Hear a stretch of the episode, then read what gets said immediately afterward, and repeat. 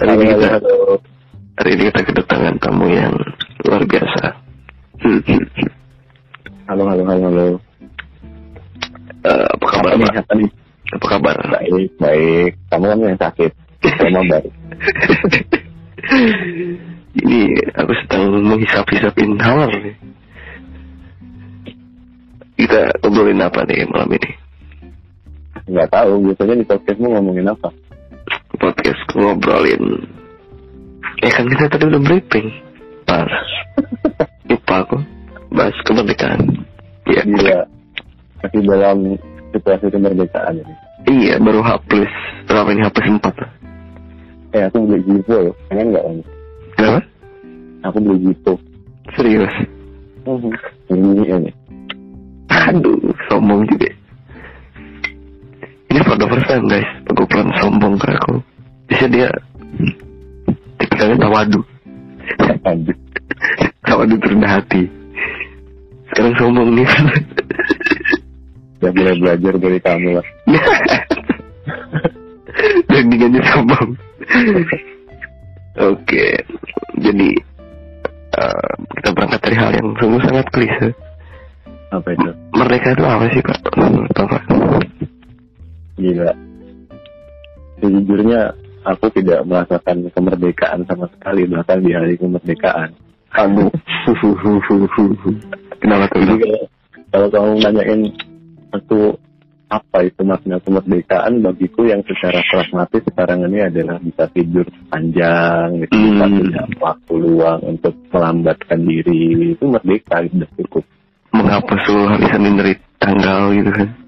iya tanggal jadi merah semua Tapi justru kalau misal seluruh tanggal jadi merah, merah itu hilang esensinya ya. oh iya juga ya kehilangan makna itu Iya, kira makna juga. bener juga kamu Oke, tapi itu suatu apa ya? Suatu pemaknaan merdeka yang sangat pekerja gitu. Iya. aku di hari kemerdekaan itu tetap kerja tetap masuk Serius, Pak? Masih ngajar? iya tidak ngajar tapi tetap harus masuk ngelayanin mahasiswa lah apalah mau bimbingan segala macam. Sedikit info guys, jadi narasumber kali kita kali ini ada seorang lecturer atau dosen. Ya. Yang bercita-cita bermimpi pada suatu pagi berubah menjadi kupu-kupu. Bukan kecoa dalam kubu-kubu di kupu apalagi kalau ini ya kalau mencari merdeka di dalam negara gitu. Itu sulit banget ya iya. Ya mungkin kamu juga ngelihat kayak kemarin upacara kemerdekaan di oh yang ribut itu ya? Yang, itu perasaan ada yang ribut tuh? Nggak tahu di mana. Aku nggak nggak tahu soal ribut-ributnya. Maksud aku itu kan setiap tahun dilakukan gitu ya. Oke. Dan aku juga kebetulan pernah bertugas jadi beraka oke. Iya. Maksudnya kemerdekaan itu berubah-ubah maknanya seiring dari konteks apa pun yang kita sedang alami di masa itu. Pada saat aku mengibar dulu kemerdekaan itu, aku melihatnya sebagai bendera bisa naik, lancar, upacara selesai, itu merdeka banget gitu. Beban merdeka. sederhana itu ya Iya, sesederhana itu. Tetapi setelah menjadi penonton bertahun-tahun, menjadi penonton orang mengibarkan bendera, ternyata banyak seremoni-seremoni yang menurutku itu hanya seremoni gitu, tidak ada Oh. makna yang yang aku kira bisa lebih dalam seharusnya gitu. Misalnya gitu, misalnya bagaimana kita setahun terakhir ini memaknai atau evaluasi lah terhadap hal-hal yang terjadi. Kalau kita ngomong sukupnya negara gitu. hmm. Kampus merdeka, apa merdekanya sih? Iya Sektor dia masih korupsi, oh iya mahasiswa yang miskin sulit kuliah, mahasiswa yang kaya bisa kuliahnya dengan uang. Seleksinya bukan berdasarkan yang itu syaratnya. udah dibayar ya Pak apa sih kampus merdeka itu Ya, eh, kampus mengajar sorry mengajar juga. Ya, itu kan program pemerintah yang pada akhirnya mahasiswa juga ikut itu bukan untuk memaknai kemerdekaannya, tetapi juga untuk mendapatkan SKS, untuk mendapatkan uang dari situ gitu. Jadi Ya kalau kalau mau merdeka jangan jangan di kampus lah gitu, nggak bisa. suka nih aku bagian pesimisnya ini aku suka. Iya, belak belakan aja gitu. Meskipun aku seorang pengajar di kampus. Gitu. Ya. Untuk info mungkin Pak, Bapak ngajar matkul apa di kampus? Kalau sekarang itu bahasa Indonesia, Oke. sekretariatan. Bahkan dengar nggak kamu mata kuliah ke sekretariatan?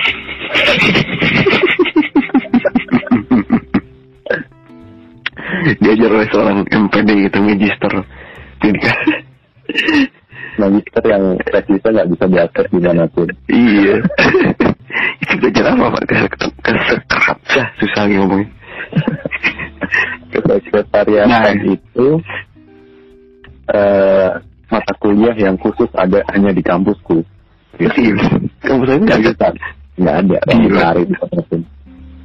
kecuali mungkin kampus-kampus yang memang jurusannya sekretaris gitu mungkin ada gitu ya Hmm. nggak tahu tapi di kampus itu semua mahasiswa harus mendapatkan itu inti dari mata kuliah itu adalah bahwa semua mahasiswa harus bisa membuat eh, teks surat menyurat Oh, memorandum dan lain-lain hal-hal yang bersifat praktis produknya itu Dan yang sangat ini ya, apa? Administratif gitu. Iya. Jadi teks-teks administratif itu harus dikuasai semua mahasiswa itu di awal eh, apa namanya semester mereka ketika masuk. Tuh. Itu jurusan apa aja, Pak? Semuanya kalau di tempatku itu Semuanya. secara fakultasnya ada tiga. Ada FEB, Ekonomi dan Bisnis, ada FSIP, Fakultas Sastra dan Ilmu Pendidikan, dan eh, FTIK, Fakultas Teknik dan Ilmu Komputer. Itu Bapak semuanya. Semuanya saya Iya. Hmm, Terdengar cukup luhut. Ya ya kayak ngajarin orang ngetik surat aja kayak gitu mas sebenarnya nggak tahu tuh Pertanyaan yang paling fundamental. hmm. Apakah Bapak bahagia mengajar kesekretariatan ini? apakah aku bahagia Iya. Nah, ini, gila ini ini kan datang pertanyaan soal bahagia ini sangat erat kok kira kaitan antara merdeka dengan bahagia. gitu. jadi aku aku malah pengen menjawab ini dengan sedikit mundur dari mengajar itu sendiri gitu mas. Jangan jangan. jadi aku itu meskipun sebentar-sebentar mengajarnya mungkin setahun setahun setengah di satu institusi gitu nggak terlalu lama pengalamanku. Tapi lumayan beberapa lah aku berganti-ganti institusi gitu. Dan dari semua institusi yang pernah aku coba gitu mulai dari ngajar di sekolah menengah pertama di SMP di SMA Pernah dulu? Di SMP? pernah pernah Oke. SMP SMA pernah aku di pondok pesantren gitu Itu nggak percaya sih. Seorang liberal bisa di pondok. Iya, aku pernah ngalamin itu gitu. Dan apa namanya mengajar itu ternyata punya dua sisi yang nggak bisa aku lihat salah satunya saja gitu. Oke. Yang, yang pertama ada sisi bahagianya, ada juga enggaknya. Bahagianya bisa ngerasa meringankan beban gitu. Seperti ketika kita bercerita setelah membaca banyak.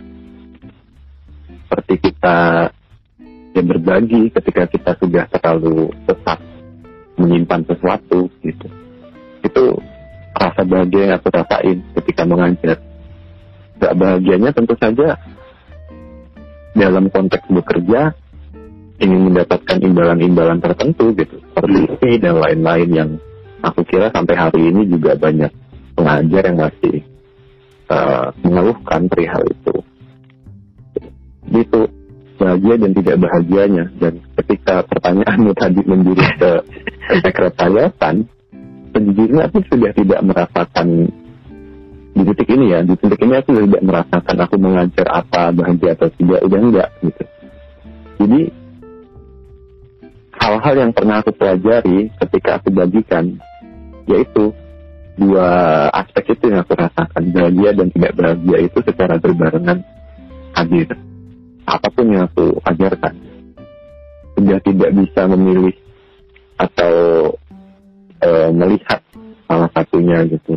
Dan sudah tidak lagi Berarti udah, udah, udah melebur gitu ya? melebur aja gitu mas. Kayak aku ngajar sastra atau aku ngajar linguistik itu sama aja sekarang rasanya. Karena aku aku punya kesadaran bahwa siswa itu nggak semuanya suka sastra, nggak semuanya suka bahasa, nggak semuanya minat untuk belajar tentang administrasi. Tapi aku punya tanggung jawab untuk mengajarkan mereka gitu. Nah dalam situasi menawarkan sesuatu yang belum tentu diinginkan itu, aku kira tidak bisa munafik bahwa aku tidak sedang ngoyo gitu, tidak sedang ngotot untuk supaya mereka semua suka dengan apa yang aku ajarkan. Tetapi ya sudah, aku berikan saja. Itu kan suatu ini ya, Pak, suatu konflik batin kok kita. Ya. Mungkin ingin sedikit diceritakan bagaimana luar biasanya konflik Hmm. batin itu. Hmm.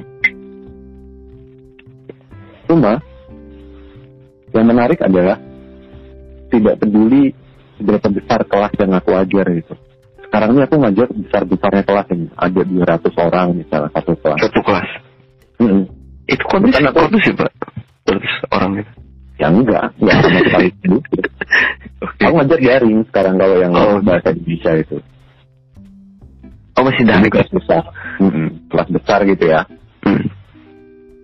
Dan aku kira mau kelas besar mau kelas kecil tetap saja ada siswa atau mahasiswa yang minat, ada juga siswa atau mahasiswa yang tidak minat. Tapi yang membuatku masih punya semangat untuk terus mengajar adalah kenyataan bahwa beberapa dari mereka itu tertarik untuk mendengarkan aku, untuk membagikan apa yang mereka eh, pahami, perspektif Hmm. mereka gitu. Meskipun hanya satu dua orang, tapi itu sudah cukup untuk membayar apa effort Itu, yang itu aku worth it ya worth it. Hmm. Jadi bukan soal jumlah mahasiswa yang paham atau mendapatkan nilai A, tapi respon mereka itu sudah cukup buat guru atau dosen punya semangat untuk terus ngajar gitu. Aku aku punya pertanyaan ini sih. Untuk mengajar ini khususnya untuk. Hmm. Bapak setuju juga dengan ungkapan bahwa katakanlah pengajar itu pahlawan tanpa tanda jasa. Nah setuju gak? Jangan guru lah pengajar ya. Pengajar itu Ya. pahlawan tanpa tanda jasa ya. Setuju gak? sebetulnya setuju setuju melihat dari melihat dari konteks sejarah dan konteks jasa dalam tanda kutip yang diartikan jasa itu bukan hanya berbentuk transaksional gitu. Maksudnya ketika kita jual beli itu kan kita ngasih jasa Iya.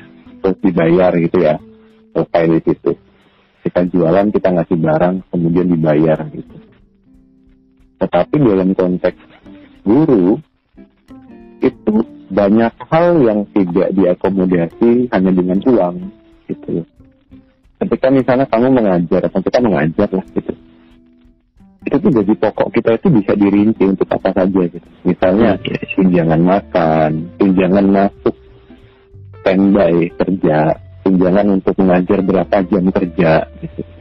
Nah, apa yang tidak dimasukkan dalam slip gaji itu, misalnya ada siswa yang mengeluh padamu tentang Hmm, situasi keluarganya, kemudian kamu memberikan advice-advice atau kamu bisa memahami situasi anak itu, kemudian pengalaman-pengalaman yang bisa kamu ceritakan ke anak itu, yang sebenarnya ketika tidak kamu lakukan pun nggak apa-apa gitu, kamu pun nggak digaji untuk itu gitu.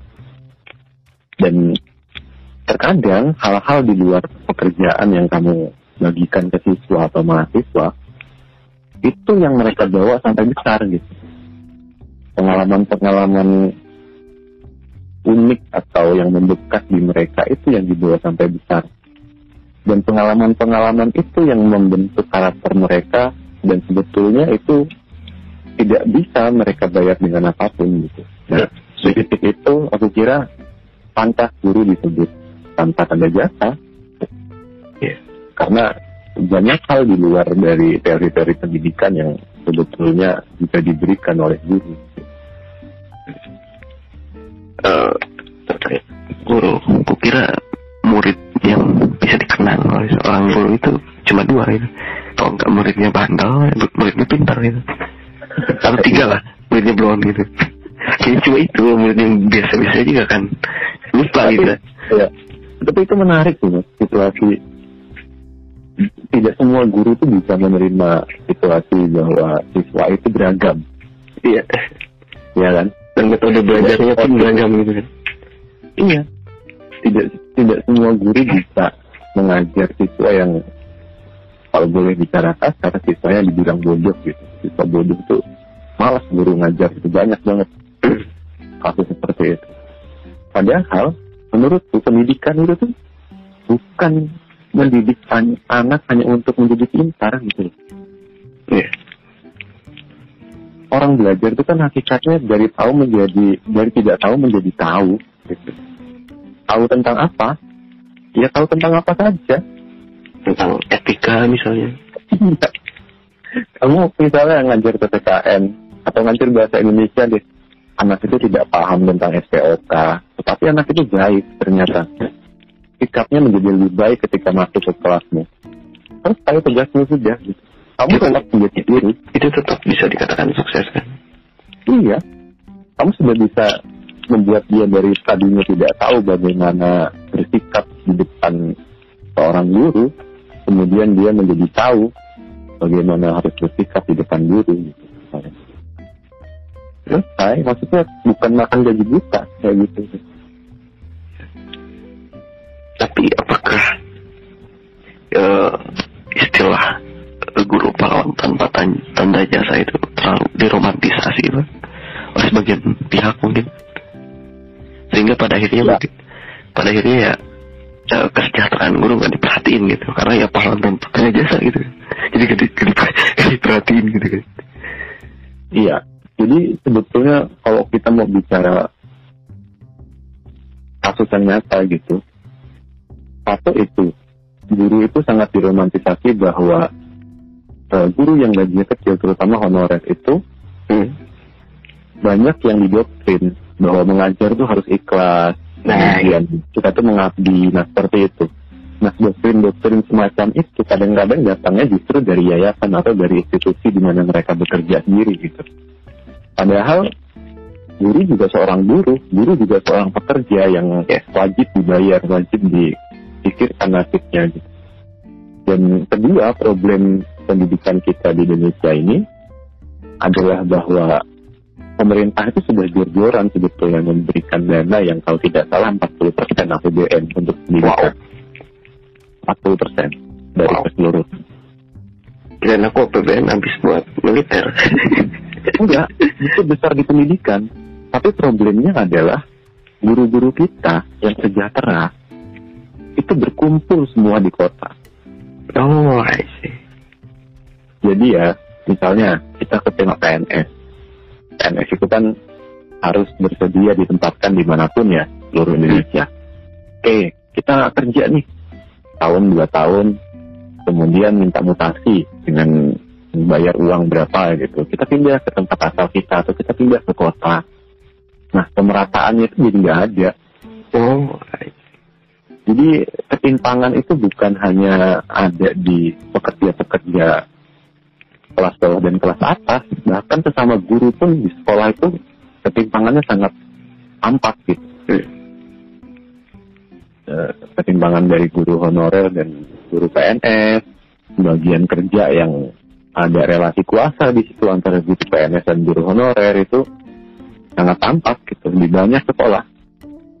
dan jadi semacam ini juga ya kelas kayak bentuk kelas-kelas sosial gitu ntar Iya dulu betul. Gak usah kita ngomongin sekolah-sekolah di Jakarta deh. Kalau aku datang misalnya pengabdian atau ada kegiatan apa di sekolah. Kalau sekolah itu yang aku datangi elit, ya guru-gurunya bermobil, pakai Hmm. iWatch, pakai handphone merek terbaru gitu. MacBook gitu. ya ya maksudnya sejahtera bisa dibilang nggak akan bingung deh besok mau makan apa gitu. tetapi ketika aku misalnya datangnya sekolah yang agak pinggir sedikit gitu wah itu sudah banyak masih guru yang masih jalan kaki untuk Dan itu benar-benar kontras ya Pak. Kontrak sekali padahal daerahnya itu deket gitu masih masuk ke pinggiran kota gitu masih banyak ya gitu Nah, aku, aku penasaran nih pendapat Bapak terkait eh, kasus misalnya seorang pengajar yang korupsi. gitu. Itu motifnya kira-kira apa? Selain karena emang sakah gitu. Yang latar Ya. belakangi gitu. jadi ini karena bicara korupsi aku juga pengen sedikit apa ya ngebahas juga itu soal alma materku. Nah, aku sejujurnya sangat prihatin dan kecewa juga malu juga sebetulnya. Sebenarnya eh, eh, ini aku disclaimer dikit ke pendengar. Jadi Pak Gufron ini wakil ketua KPK sebenarnya. Aduh, Gufron tapi. bukan. aduh gila kamu Enggak, aku aku jujur apa ya hari ini kema- dari kemarin gitu mendengar berita itu kaget dan marah. Karena eh, beliau itu yang ditangkap bapak rektor itu adalah dosen PA aku Aduh. ya dia S1 S2 itu bahasa Indonesia bahasa dan sastra Indonesia. Lama mengajar di fakultasku di jurusanku. Kemudian jadi dokter dokter di jurnalistik kemudian pindah ke fisik dan profesornya profesor fisik karena ngikutin eh, jenjang pendidikan terakhirnya gitu. tapi maksudku beliau tidak pernah meninggalkan kesan buruk sama sekali di kelas gitu dan ketika berita itu hadir gitu, aku bisa melihat bagaimana runyamnya situasi birokrasi yang ada di kampus gitu. Jadi aku melihat korupsi itu tidak mungkin tidak terstruktur gitu. Tidak mungkin bergerak seorang diri. Dan kadang-kadang keputusan untuk bertindak buruk semacam itu didorong oleh eh, kultur atau kebudayaan yang terlanjur ada gitu. Kamu bisa bayangkan gitu berapa tahun, berapa mahasiswa, berapa kali terjadi kasus-kasus semacam itu yang sebetulnya tidak pernah terungkap. Baru kali ini aja. Ya kalau boleh lebih belak-belakan lagi, aku sendiri pernah menyaksikan dengan mata kepalaku sendiri beberapa oknum gitu dalam tanda kutip ya melakukan tindakan-tindakan semacam itu gitu. Berarti suatu ini apa, kejahatan yang struktural gitu. Yang tidak mungkin Iya, sendiri dan ketika kamu tanyakan apakah seorang guru tidak punya pertimbangan moral, Nah, ya. Bapak Rektor itu seorang profesor di bidang pendidikan. Kemudian dia juga aktif wakil ketua PW. Ya salah satu salah satu organisasi Islam lah di aduh. Indonesia gitu. Kok bisa bayangkan bahwa dia itu dianggap selain apa namanya orang pendidikan juga seorang pemuka agama Aduh. Panutan lah panutan lah gitu panutan bukan hanya di bidang pendidikan tapi juga di bidang kerohanian agama gitu Panutan bumi dan langit. iya dan kalau bicara moral tidak ada hubungannya mau kamu ketua apa mau kamu pemimpin di organisasi apa aku kira moral itu datangnya dari diri sendiri dan korupsi itu datangnya dari organisasi dari bagaimana kamu hidup di sebuah organisasi itu gitu Cari kesempatan mungkin ya. Pak. Iyalah. Ini misalnya kamu nih sudah diangkat menjadi ketua dan bertahun-tahun sebelumnya sistem itu sudah membiasakan terjadinya suap menyuap gitu. Kalau kamu tidak mengikuti itu, banyak sekali hal yang kamu harus hadapi, harus kamu rombak, harus kamu tentang gitu. Dan itu tidak tidak lebih mudah daripada hanya tekan tanda tangan dan menerima sistem itu terus berjalan. Iya. Dan melawan mungkin melawan diri sendiri untuk untuk memenangkan sistem. ya, Aku kira gitu. yang mirisnya adalah bagian bagian seujonnya bahwa korupsi sudah membudaya gitu. Iya.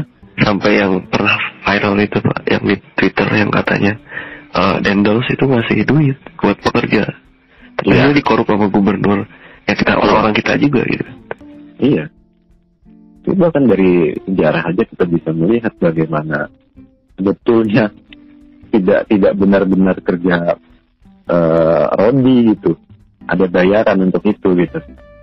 Tetapi juga dikorupsi oleh orang kita sendiri.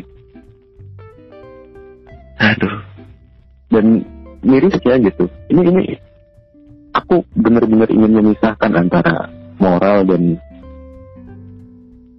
kegiatan-kegiatan yang bersifat praktis, Hmm. yang bersifat seremonial atau jabatan atau apa pun yang di luar yang tampak gitu. Jadi korupsi itu bukan soal moralnya, ya. tapi soal bagaimana mengambil keputusan karena terdesak oleh sistem yang terlanjur ada itu gitu. dan bukan terkait nominal juga kan Bukan, itu terkait Kan mental gitu iya terkait mental yang dipengaruhi oleh situasi lingkungan itu gitu. berarti kan Kita bisa lihat itu semakin ini pak semakin apa? Semakin tingginya daya hidup. Itu semakin meningkatnya juga kan? Angka Iya. kemungkinan gitu Iya.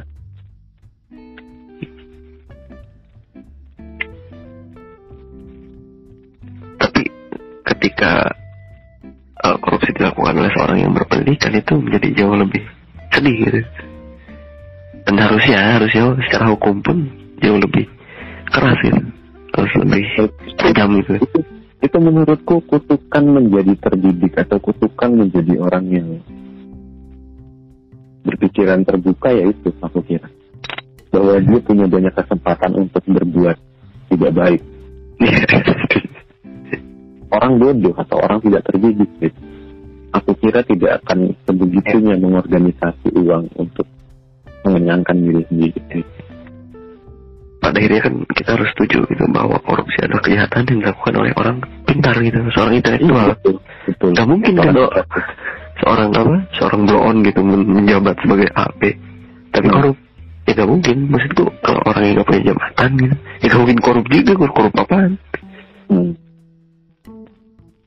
Jadi ini aku mau curhat juga nih soal situasi di mana pada, pada apa ya desakan untuk korupsi lah gitu. Jadi meskipun jangan dibayangkan hal besar gitu. Korupsi sederhana dari kegiatan aja. Kamu mahasiswa pernah bikin kegiatan, aku juga pernah bikin kegiatan gitu. Dana yang masuk sekian, misalnya katakan 5 juta. Sedangkan dari proposal itu sebetulnya kegiatan yang dibikin hanya 3 juta. 2 juta itu untuk bagi-bagi eh, orang-orang yang membuat proposal atau petinggi-petinggi dari organisasi yang aku gerakan gitu. Nah, pada situasi seperti itu, misalnya kita ada tiga orang nih petingginya gitu. Kalau tidak mau menerima uang dari hasil sisa proposal itu, maka akan terjadi clash kalau tidak kalau tidak diterima akan terjadi seteru kalau terjadi seteru maka aku tidak bisa bertahan lagi di situ kalau aku tidak bisa bertahan lagi di situ maka aku tidak bisa lakukan hal-hal yang aku inginkan lagi di situ. Jadi ada konflik kepentingan yang sangat besar bahkan dimulai dari organisasi paling sederhana gitu. Dari UKM dari ekskul gitu bahkan dari misalnya kunjungan industri gitu-gitu ya semua sudah banyak menerapkan pola-pola korupsi sebenarnya dan itu jadi konflik yang horizontal sekaligus vertikal gitu. Iya konflik kepentingan juga. Chaos bahkan dari hal-hal sederhana. Jadi, kalau memang mau menghentikan korupsi gitu menurutku keluar aja dari situasi itu gitu. Ya, meskipun itu sebuah tindakan yang benar-benar radikal ya. Ya. Ya maksudnya kalau kalau cuma organisasi kecil gitu kan enteng keluarnya nggak masalah ya kalau kamu rektor mana berani kamu tiba-tiba saya mundur karena sistem ini buruk gitu enggak enggak segampang itu Iya. Aku punya teman satu teman. Dia seorang yang kukira begitu benci guru olahraga. Hmm. Aku tanya kenapa dia benci guru olahraga. Kata dia guru olahraga itu tukang korup. Dari duit berenang, inilah, gitu. Ada apa ya, ada semacam pola-pola kemarahan yang tidak terluapkan gitu dari murid yang nggak bisa apa-apa gitu. Tahu, cuma nggak bisa apa-apa. Hmm. Agak miris. itu bayangkan aja kamu sebagai warga negara diminta untuk taat membayar pajak tapi pajakmu itu ternyata buat nyewa jet pribadi pejabat Aduh, atau dibuat bikin rumah pribadinya dia gitu. Dia kan sama aja kayak gitu. iya. Yang beda salah. di situ aku jadi pengen berdoa semoga neraka itu ada gitu perlu kau percaya gitu semoga ada Ya gimana ya? oke Mental, mental. kita kita kita, ber, berdeka. kita berpindah sekarang ngebahas amfibi nih jadi gini guys Pak Gufron ini seorang amfibi ini bahasa dia diksi dia. Amfibi itu silakan. Amfibi itu apa sih? Aku tahunya katak. Apa amfibi itu? Hewan yang ini. Hidupnya hidup di dua dunia. Tapi apakah dia bahagia? Hidup di dua dunia itu atau dia punya kecenderungan terhadap salah satunya? Itu kan yang menjadi pertanyaan. Dan kecenderungan untuk memilih gitu kan pada akhirnya Iya. Apa jangan amfibi? Apakah seekor kupu-kupu yang ber apa prosesnya itu? metamorfosis Metamorfosis. Ya, yang bermetamorfosis itu lebih bahagia menjadi kupu-kupu yang cantik, tetapi selalu lari ketika hujan karena takut airnya basah dan patah. Atau dia lebih bahagia menjadi ulat yang bisa kapan pun berteduh di rumahnya di bawah daun saat hujan. Hmm. Itu kan kita nggak pernah tahu. Sementara nasibnya dia harus seperti itu. Bisa selamanya jadi ulat. Dia harus tidak jadi kupu-kupu. Begitu juga dengan katak sih. Apakah dia lebih bahagia di darat atau dia bahagia di dalam air? Nah, ka- karena saat ini terbitin tulisan tentang Rumi dan ngomong kupu-kupu. Jadi aku ingat quotes Rumi tentang kupu-kupu. Eh, Jika kamu membunuh kupu-kupu, kamu adalah seorang penjahat. Tapi jika kamu membunuh seorang seekor, sorry, seekor eh, kecoa, kamu adalah pahlawan. Nah, ini kan menarik Menarik itu. bahwa moralitas itu terkait dengan estetika gitu. Kecoa kan jelek gitu kan. Iya, Jadi dianggap pahlawan gitu. Kalau ngebunuh kupu-kupu yang cakep gitu. tapi Ya cantik. Nah itu gimana menurut Bapak? itu kan nggak ada bedanya juga dengan sekarang apa namanya beauty privilege Hmm, lain-lain. iya, iya. artis yang rupawan gitu pakai ganja coba obat-obatan gitu semangat ya kamu bisa kembali lagi dengan lebih baik gitu sedangkan kalau artisnya jelek sih Mampus gitu, lu. gitu. bully gitu bisa itu tadi kita nggak bisa munafik bahwa takdir atau nasib yang kita emban ini yang kita juga sebetulnya nggak minta Ya. itu membawa kita untuk mendapatkan sesuatu dengan lebih mudah atau lebih sulit Itu kan jadi kayak apa nunjukin sisi gelap manusia gitu ya. Nggak tahu sisi gelap atau sisi apalah. Yang jelas itu menggambarkan bahwa manusia adalah makhluk visual gitu. Yang Iya, dengan dari visualnya itu gitu, ya, dari rupanya dulu. Iya. Hmm. Nah, aku kira mata kita itu kadang-kadang juga berfungsi bukan hanya menilai apa yang kita lihat sekarang, tapi juga berfungsi untuk melihat apa yang kita bayangkan di masa depan, bayangkan di masa lalu.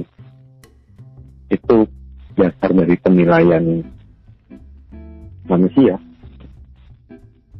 Iya. Misalnya, cantik dan tidak cantik, menurutmu itu natural atau konstruksi? Konstruksi sih. Konstruksi kan? Iya. Kalau kita sepakat bahwa itu konstruksi, berarti mata kita ini palsu yang kita menilai bahwa dia cantik dan dia tidak cantik. Berarti kita selama ini dikamuflase oleh ingatan-ingatan leluhur kita, oleh doktrin-doktrin apa pun yang kita tonton di masa lalu. Dan kita hidup membayangkan di realitas yang semu gitu. Iya. Dan bagaimana kesemuan itu menjadi dorongan untuk kita bergerak dan menilai sesuatu sampai kita bisa memutuskan untuk menghina atau memuji sesuatu yang cantik atau buruk. Bagaimana moralitas kita ditentukan oleh sesuatu yang semu? Itu kan jadinya komedi. Iya. aku aku aku jadi ingat eh, perkataan dosen tasawufku. Dia bilang penipu terbesar itu mata. Penipu terhebat. Dulu aku mikir, kok bisa bisanya mata itu penipu? Sekarang aku percaya. Ya juga, tukang nipu di mata. Iya. Ya banyak lah hal-hal bodoh yang kita lakukan gara-gara mata itu. Iya. Hmm. Mungkin menarik kan? kita kembali lagi ke apa nih? Kita ke mereka bahagia atau merdeka? Kami amfibi. Oke, amfibi. Silakan. Apa ini? Amfibi apa? Pondok Jadi juga apakah apakah apa ya bagus itu untuk perkembangan misalnya karir atau dalam proses belajar gitu? Amfibi itu konsepnya. Aku aku aku tuh orangnya persuasif kan. oke. Jadi aku aku selalu punya keyakinan bahwa ketika aku berhadapan berhadapan dengan orang tuan-tuan gitu ya, Iya. aku bisa mengajak dia untuk setidaknya memahami apa yang aku mau gitu. iya sih ada ada pola Gitu. Ada ada ada semacam apa namanya ya arah ke sana gitu. itu bakat sih Dan mm, dan Iya, dan satu kali gitu, aku pernah tidak dipahami karena aku membicarakan soal keamfibian itu. Aku pernah ngelamar kerja, oke lulus S1 itu aku kira, 2018-an. Aku ngelamar kerja di wartawan, di salah satu media besar lah di Lampung gitu. Di wartawan itu. oke Kemudian eh, rekruternya itu nanya aku, ya biasa pertanyaan HRD kan ya, lima tahun ke depan mau jadi apa gitu kan. Melihat dirimu di masa depan mau jadi apa gitu. Dan aku tuh nggak pernah bohong, namanya wawancara gitu nggak pernah ngada-ngada. Jadi aku bilang aja bahwa aku tuh melihat karir bukan vertikal tapi horizontal gitu. oke Jadi aku nggak pernah membayangkan bahwa aku wartawan nanti naik jadi redaktur, redaktur jadi ketua apa, ketua apa gitu enggak. Aku membayangkan bahwa aku ketika wartawan aku punya banyak koneksi dan aku bisa memulai banyak hal baru dari situ gitu. Nah, berarti kamu nggak punya keseriusan dong untuk tekun dalam bidang jurnalistik ini. kesimpulan yang kacau sih Ya, iya, cuman ya aku bisa memahami itu bahwa dia ngerekrut orang tuh ya untuk stay, untuk setia, untuk loyal di untuk menghamba gitu kan Iya untuk menghamba pekerja gitu. Aku bisa melihat ketidaksinkronan eh, logika aku dan rekruter itu. Gitu. Tapi aku jatuh perangkat aja bahwa aku seperti itu. Ya akhirnya ya ditolak. udah tahu sih ini Jadi yang unik adalah bahwa aku ngelamar itu dengan beberapa kawan gitu yang juga tertarik ke sana. Karena baru lulus kan bareng-bareng gitu. Mereka itu ada yang diterima, ada yang ditolak, tapi mereka ditolaknya dengan surat, dengan email gitu. Setelah seminggu selamat. Aku ditolaknya tepat setelah wawancara. Benar-benar tidak diinginkan. Aneh ini kayak pikiran anak ini. Anomali ini orang ini. Anomali orang ini gitu. Gimana? Berarti itu jadi suatu ini ya Pak catatan buatku ketika buat uh, wawancara gitu kan nanti perbanyaklah berbohong gitu Iya, iya, betul sekali. Amfibi itu tidak disukai banyak orang yang tidak bisa hidup amfibi iya ya setuju karena dianggapnya nggak loyal, nggak setia, dan nggak konsisten mungkin nggak konsisten, nggak fokus. Gitu. Kayak apa aja bisa gitu kan Iya. Or- kayak orang yang apa generalis ya. hmm, generalis atau jack all of the trade gitu Nah, orang-orang kayak gitu dianggapnya kan nggak dalam gitu, nggak bisa dalam. dianggapnya ini Pak pada titik tertentu dianggap posar Mm-mm, kayak gitu. Ya, padahal mungkin memang kayak gitu gitu. Aku melihat diriku juga kayak gitu. Gak gak nggak sedalam misalnya kawan-kawanku yang benar-benar apa namanya loyal ke dunia kesenimanan gitu, Hmm. penyairan gitu. Atau teman-temanku yang benar-benar setia menjadi guru gitu mengabdi orang kantoran gitu. Nah aku tuh nggak bisa setia ke dua-duanya, aku kira seperti itu. dan kalau ditanya pun agak bingung kan bidang yang paling disukai itu apa Iya, dan menciptakan suatu dilema ketika harus memilih gitu iya. Dan aku justru bertanya-tanya ketika harus memilih. Memangnya kita harus menjadi ya? Memangnya kita harus menjadi salah satu? Memangnya kita harus benar-benar punya bentuk gitu? hmm. Aku selalu pengen melepaskan diri dari identitas gitu. iya Karena itu kamu pelaku juga menurutku.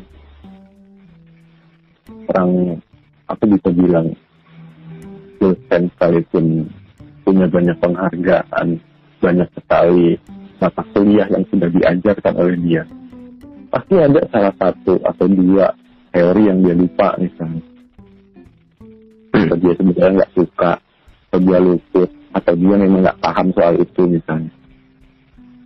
Artinya kan cuma label gitu. Penghargaan-penghargaan itu cuma momentum. Pada saat itu mungkin dia berhasil karena faktor-faktor tertentu.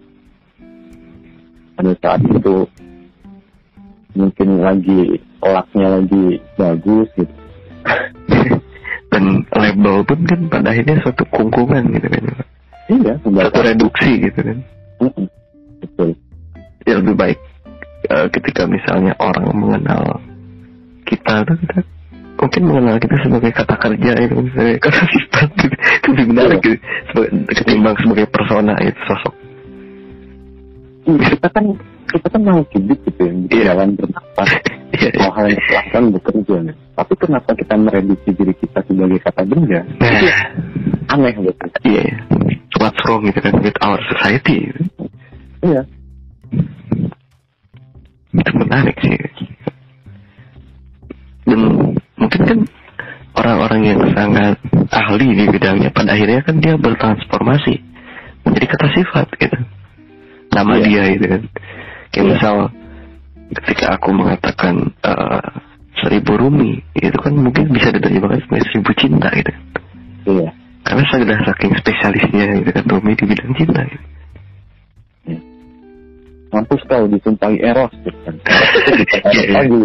Ya atau apa Eh, mampus kau pekerja seperti Sisyphus gitu. atau ya ya gitu gitulah itu semoga senimu Sisyphus gitu Iya. ahimsa ahimsa gitu kan Iya. nggak sih mantra itu Iya, kita, kita bicara Gandhi gitu, udah positif kedamaian tanpa kekerasan gitu. Ya, gitu pada akhirnya melekat walaupun kan kita tahu gitu bahwa dia pun punya sisi gelap gitu kan kayak dia suka Iya, iya. keras sama perempuan gitu. iya dan kita jarang kita membicarakan sisi-sisi itu Ya. Nah itu aku penasaran kenapa tokoh-tokoh besar dunia jarang diceritakan sisi jeleknya. Nah, kayak misalnya Einstein nih, dia tukang selingkuh atau apalah. Nah itu kenapa gitu? ini menarik dan gampang sebenarnya menjawabnya Oke. karena kita selalu ingin punya jimat manusia itu selalu ingin berpegang pada sesuatu entah itu ideologi entah itu Tuhan entah itu simbol entah itu monumen. Kita selalu ingin berpegang pada sesuatu. Iya. dan Einstein dan Soekarno dan siapa pun tokoh besar itu aku kira ketika meninggal dan pernah memiliki satu tindakan heroik lah katakan seperti itu maka itulah dia. Sisanya adalah hal-hal yang tidak perlu dibicarakan gitu. Itu kan. agar apa agar jimat itu sakti Oh, Oke. agar laku mas Jadi produk ya. iya itu aja lah Itu kan mengindikasikan bahwa eh, seorang manusia itu dinilai dari cara dia mati gitu. Cara sebelum dia mati lah gitu. iya Kayak misalnya ada orang eh, main bola waktu hujan, kesambar geledek. Orang pasti ingat, nih orang yang pernah kesambar geledek gitu. Iya. Cara dia mati. Ketika misalnya tidak ada hal yang lebih besar yang bisa diingat dari si pemain bola itu, maka yang akan diingat adalah kematiannya gitu yang Oh, monumental. I see. Ya, ya, ya. Gitu. Tapi misalnya kamu besar dengan karyamu menulis, gitu, maka kamu akan dikenal sebagai penulis dan Iya. ini yang yang yang kataku eh, dilematis bahwa menjadi abadi itu Nah, ya. ternyata bukan untuk dirimu yang manusia. Menjadi abadi itu hanya namamu yang abadi. Kamu akan menjadi kata sifat itu. Dan kamu nggak bisa bertindak apa-apa lagi terhadap bentuk yang sudah mereka tanamkan di kamu itu. The real ini apa? apa? Orang telah mati. Iya. Dan dan aku semakin curiga kalau Albert Camus itu dia bunuh sebenarnya. Biar semakin absurd gitu. Dua tahun sebelum dia nabrak pohon itu, dia kan Hmm. bilang cara paling absurd untuk mati itu nabrak eh kecelakaan mobil. Akhirnya kan kecelakaan mobil gitu Bang. Iya. Justru justru ketika kematiannya itu menjadi misteri, itu jadi satu pembahasan yang yang hidup.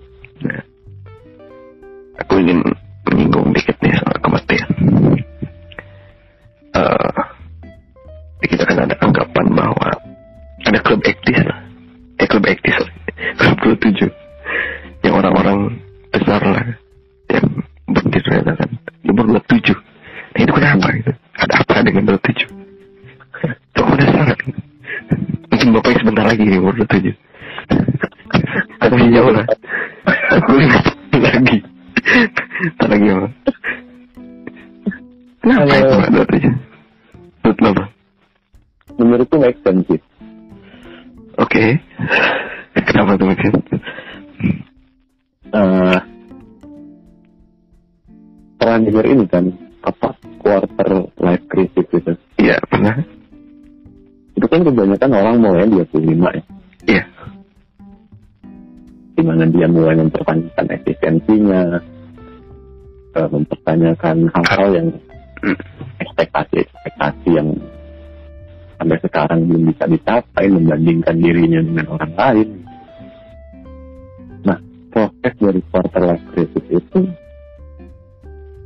kebanyakan menurutku tidak bisa hilang dalam waktu tahun dua tahun dan ketika umur 27 memutuskan untuk mengakhiri hidup itu aku kira menjadi bagian dari itu. Apalagi mereka yang masuk ke klub sialan itu, mereka yang bernama Itar gitu. Oke. Mereka yang ada di spotlight. Mereka yang hidup dengan tidak lebih nyaman sebetulnya. Daripada orang-orang yang tidak ada di spotlight. Aku kira tekanan-tekanan itu yang yang menjadi pemicu dan akhirnya puncaknya ya di usia itu. Ya, berarti ada pola kalau manusia itu hanya kuat dua tahun mengalami life crisis. kalau nggak dia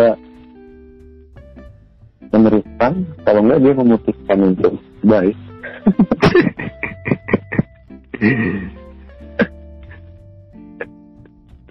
aku ingin menyinggung sedikit soal nasib sih.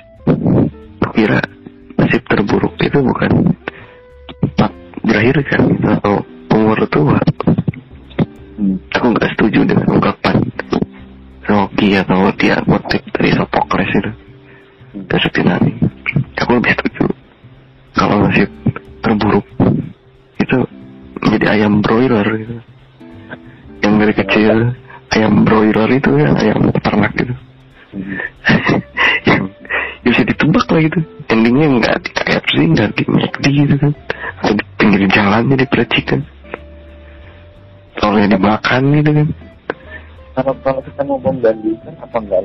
jadi sapi atau sapi?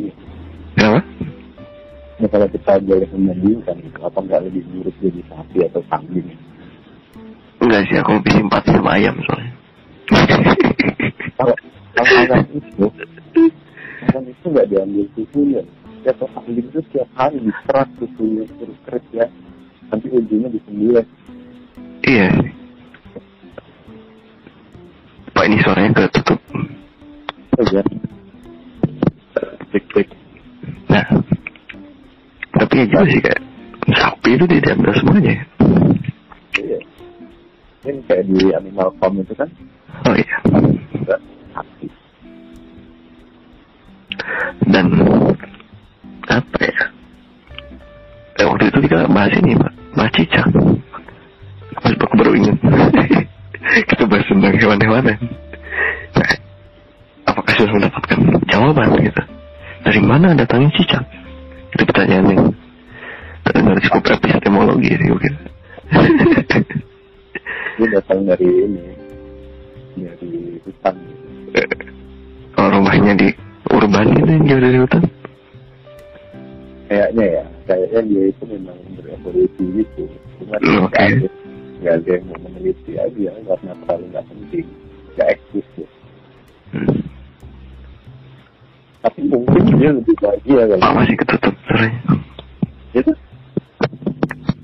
Cek cek. Nah, Dengar ya. clear clear. Ya. Dia, mungkin dia berevolusi gitu dari kadal-kadal hutan gitu, di kebun. Dan dia menemukan santuari gitu kan. Enak nih ternyata di tembok gitu kan makan nyamuk. Tapi dibunuhin sama bocil. Pahala, pahala. Ya. Itu kan berarti Tuhan mengirimkan bocil-bocil itu ya untuk sebagai kemanusiaannya mereka karena terlalu terlalu bahagia hidupnya tidak. Iya. Dan mereka nggak punya predator ya. Iya. Predatornya bocil-bocil itu.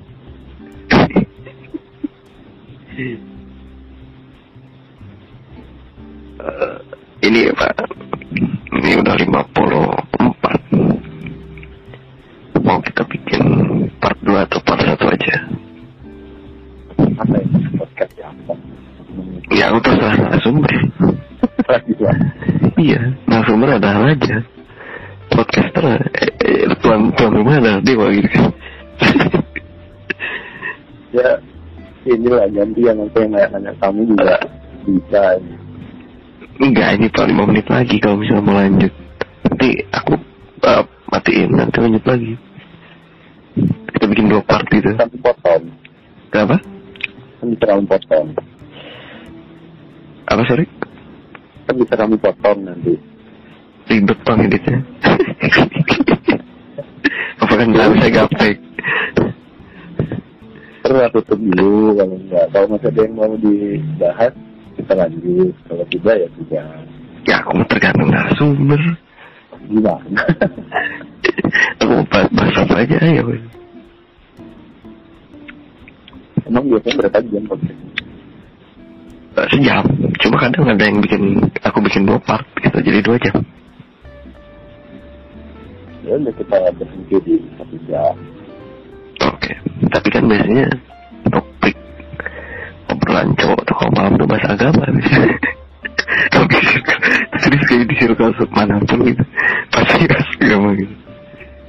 Ya tergantung yang nanya, nanya soal apa gitu. Berarti ini kita kasih judul apa ya Pak?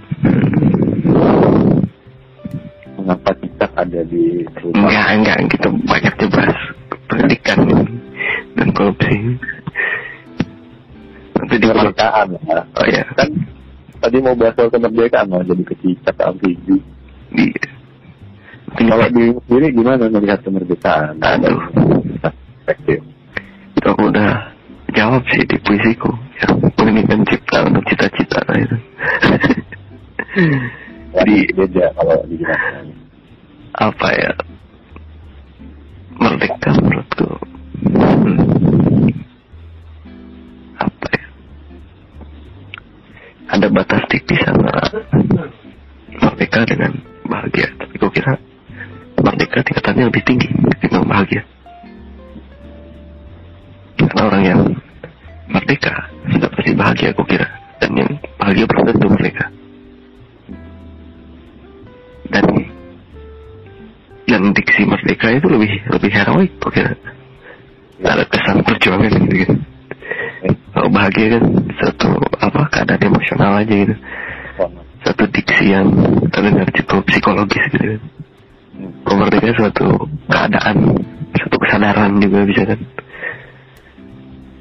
Dan agak sulit juga mungkin aku mendefinisikannya. Ya karena itu karena aku aku kira belum. Makanya agak sulit. Apakah kamu berpikir kamu belum merdeka? Dalam beberapa konteks belum beberapa konteks yang lain sudah Jadi merdeka itu dibatasi oleh hal-hal tertentu gitu ya. iya kalau secara paripurna itu secara menyeluruh nggak bisa juga sih kukira tapi namanya mokta kali ya. Kenapa? namanya namanya mokta. Ya itu. Irwana gitu, dia merdeka ya, itu merdekanya orang. Buddha misalnya orang eksistensialis. Lah jadi Hmm. sufi. Gitu. ya punya sufi juhud gitu kan.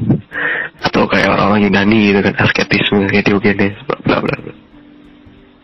ya sulit sih kira apalagi kalau dalam konteks uh, negara itu nggak semudah mencari de facto de jure bilang hore gitu kan. Enggak dan gue kira yang seharusnya yang sudah aku dapatkan kemerdekaan adalah kemerdekaan untuk berpikir untuk menulis sih berpikir itu itu udah ada udah dapat lah Kemerdekaan waktu juga penting ya. iya kemerdekaan waktu juga tahu bebas menentukan mungkin di part 2 kita bahas tentang trivial dikasih Tuh, bisa, bisa. dekat juga Iya. Lanjut part dua. iya lanjut part 2 karena waktu sudah uh, 58 nanti kita lanjut part 2 Uh, mungkin ada pesan terakhir Pak terkait pendidikan. Moda pakai pendidikan. Hal-hal mau di pendidikan. Apa? ya udah bahas apa aja lah bebas ya sih kalau kalau aku mah ini yang dengerin biasanya para remaja orang apa ini SU semua umur. Dari Semua umur. boomer tradisionalis semuanya. Ya mungkin buat pendengarnya podcast bidang perspektif yang di CEO-nya Mas Aldi ini. Aku kira membahas soal merdeka memang nggak ada habis-habisnya gitu. Tapi bagaimanapun kita tetap sebut kemerdekaan merdekaannya dalam bentuk kata karena tanpa dekatan merdeka kita nggak punya hal untuk dipegang untuk diperjuangkan. Jadi memang kita harus memperjuangkan itu terus apa pun bidangnya, apa pun kemerdekaan menurut Anda. Itu aja. Uh, menarik. Oke, sekian. Sampai jumpa di kita. Namaste.